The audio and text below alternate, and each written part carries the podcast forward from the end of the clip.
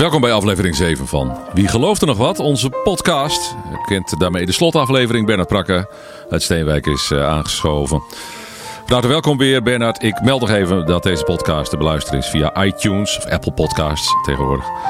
Uh, of via uw eigen uh, podcast app of via Soundcloud. U vindt ons daaronder. Wie gelooft er nog wat? We komen tot het slot van deze serie Bernard? Ja, we hebben het veel over geschiedenis gehad en dat is ook interessant. Maar ik vind het beter om af te sluiten met nog één keer een poging te wagen zo dicht mogelijk bij het verschijnsel godsdienst te komen. Ik meld nog even voor de duidelijkheid: het christendom dateert uit de eerste eeuw. De islam dateert vanaf de zevende eeuw. Dat is geen enkele waardeoordeel. Kan er trouwens nog even bij zeggen dat de stichter van de islam, Mohammed, die heeft zijn best gedaan om goede contacten op te doen met de christenen en de joden. Had hij gewild, maar dat ging niet door. Zoals met alle dingen is het zo dat de mensen die in iets gevestigd zijn, die worden gauw een beetje hotin. En die vinden uh, contact met een nieuwkomer helemaal niet interessant. Nou, dan niet. Maar nu komt de grote hamvraag waar de theologen in Nederland en daarbuiten zich over gebogen hebben. En dat is: komt godsdienst van boven of toch echt van beneden?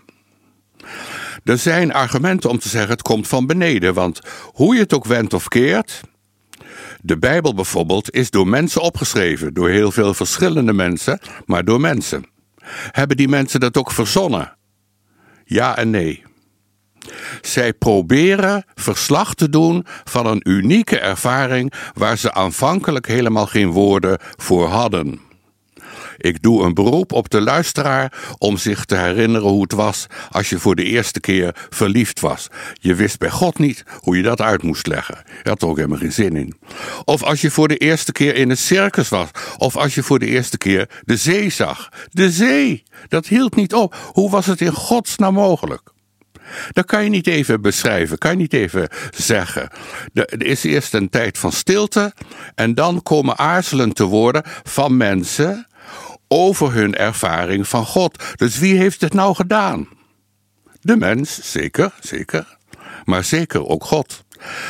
Dat kan je aan die teksten niet aflezen. Er is iets heel komisch aan de hand. Uh, niemand minder dan de grote filosoof Friedrich Nietzsche. Die heeft gezegd: uh, als de Bijbel door God zelf geschreven is, dan moet ik toch constateren dat God een beroerde kennis van het Grieks heeft. Want het lijkt nergens naar. Het is uh, derde rangs. Dat is nog waar ook. Er, er, staan hoogtepunten in de Bijbel, zeker in de Hebreeuwse Bijbel. Maar vaak is het, uh, ja, het is niet smullen voor uh, taalliefhebbers. Het, het, het, viel zoals het viel en men, men nam het zoals men het nam. Ik wil er trouwens ook nog even bij zeggen dat het vier eeuwen geduurd heeft voordat de christenen overeenstemming hadden bereikt onderling over de vraag wat hoort nou tot de Bijbel en wat niet. Goed. Komt godsdienst van boven of komt het toch echt van beneden? Het is eigenlijk allebei. Er is eerst iets gebeurd van boven. Ik herhaal mijn vergelijking met verliefdheid.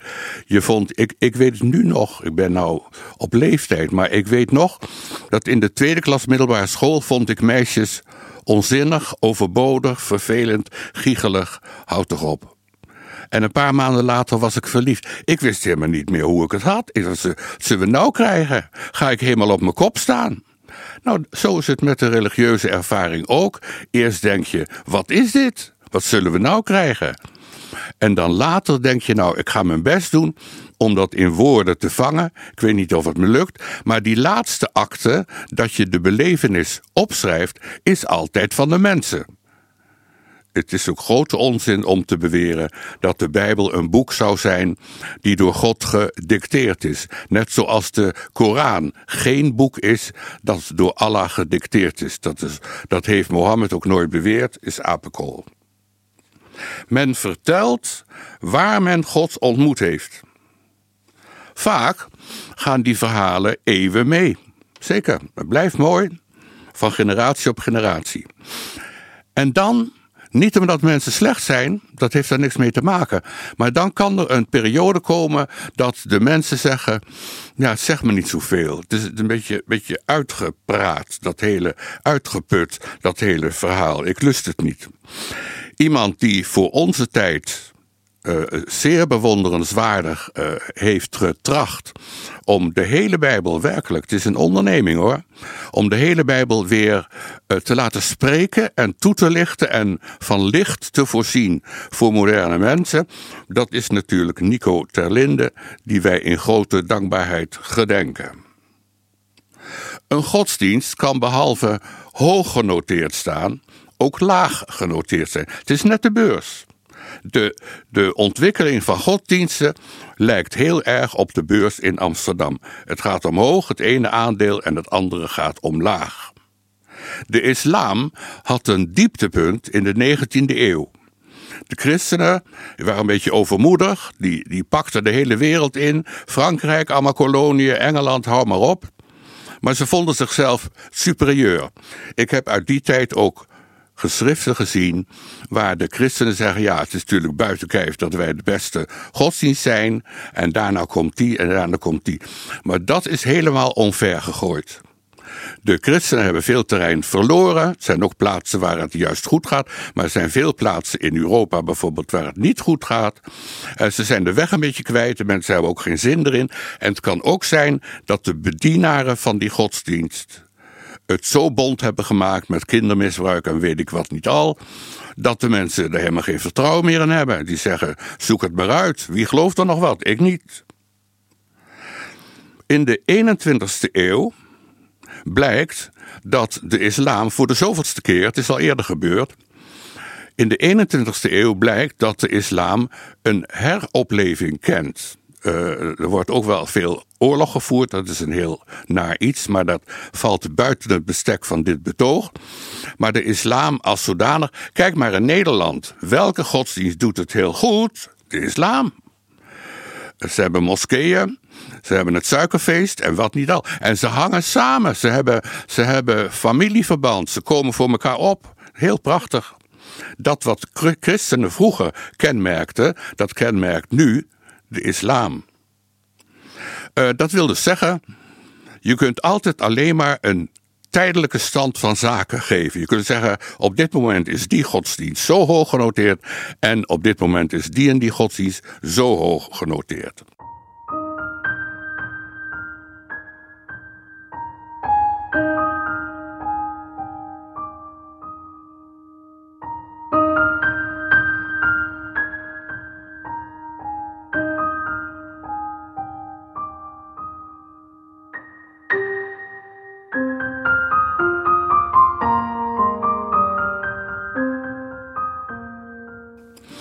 Zal er met het christendom gebeuren? Wat zal er met het christendom in Europa gebeuren? Dat is niet zomaar te zeggen. Uh, dat, kan je, dat kan je niet voorspellen. Uh, over het algemeen is het zo dat de Joodse godsdienst is het fundament. Toen kwamen de christenen en zes eeuwen later kwamen de moslims. Hoe zal het met het christendom gaan? Het kan natuurlijk weer tot een opleving komen, zoals vaker is gebeurd. Het kan ook zijn dat we in een heel andere stroomversnelling terechtkomen. Maar dat merken we dan wel. Ik heb mijn best gedaan om u iets te vertellen over de vraag: wie gelooft er nog wat? Nou, dankjewel Bernard. Graag gedaan. Dit, is, dit was aflevering 7 van Wie gelooft er nog wat? Onze podcast over eh, geloof. We hebben zeven afleveringen gemaakt in de loop van de afgelopen maanden. Bernard, dankjewel nogmaals. Uh, allemaal te beluisteren op Soundcloud uh, of via uw podcast-app. Alles mogelijk. We gaan uh, ons nou, in stilte terugtrekken, Bernard. Ja. Na dit dinderende geweld op als, internet. Als, als, ik wat zou zeggen, zou ik zeggen dat het, dat het voor mij ook heel... je wordt op zo'n spoor gezet van wil je dat doen? Dan denk je erover na, je maakt een basistekst. En eigenlijk aldoende leer je ook heel veel. Dus Beetje dichter bij de microfoon, dat heb je nog niet goed geleerd. Ik vertel geen dingen dat ik zeg, ja, dat weet ik allemaal, dat wil ik ook wel voor het volk brengen. Maar ik vertel dingen Terwijl ik denk, verdraaid. Zo zit dat. Zo is dat gegaan. Dus dat wil zeggen dat als je levendig over iets uh, praat en, en uh, met elkaar praat, dat allerlei dingen boven water komen die je misschien wel half wist, maar in jaren niet had uitgesproken. Dat is het leuke. Dus het verheldert uh, voor ja, jezelf. Ja, zeker. Juist. Nou, dan hebben wij in elk geval met z'n tweeën hier wat aan gehad. En de koffie was zeer goed. Dit is echt het moment om een punt te zetten. Dankjewel, Bernard.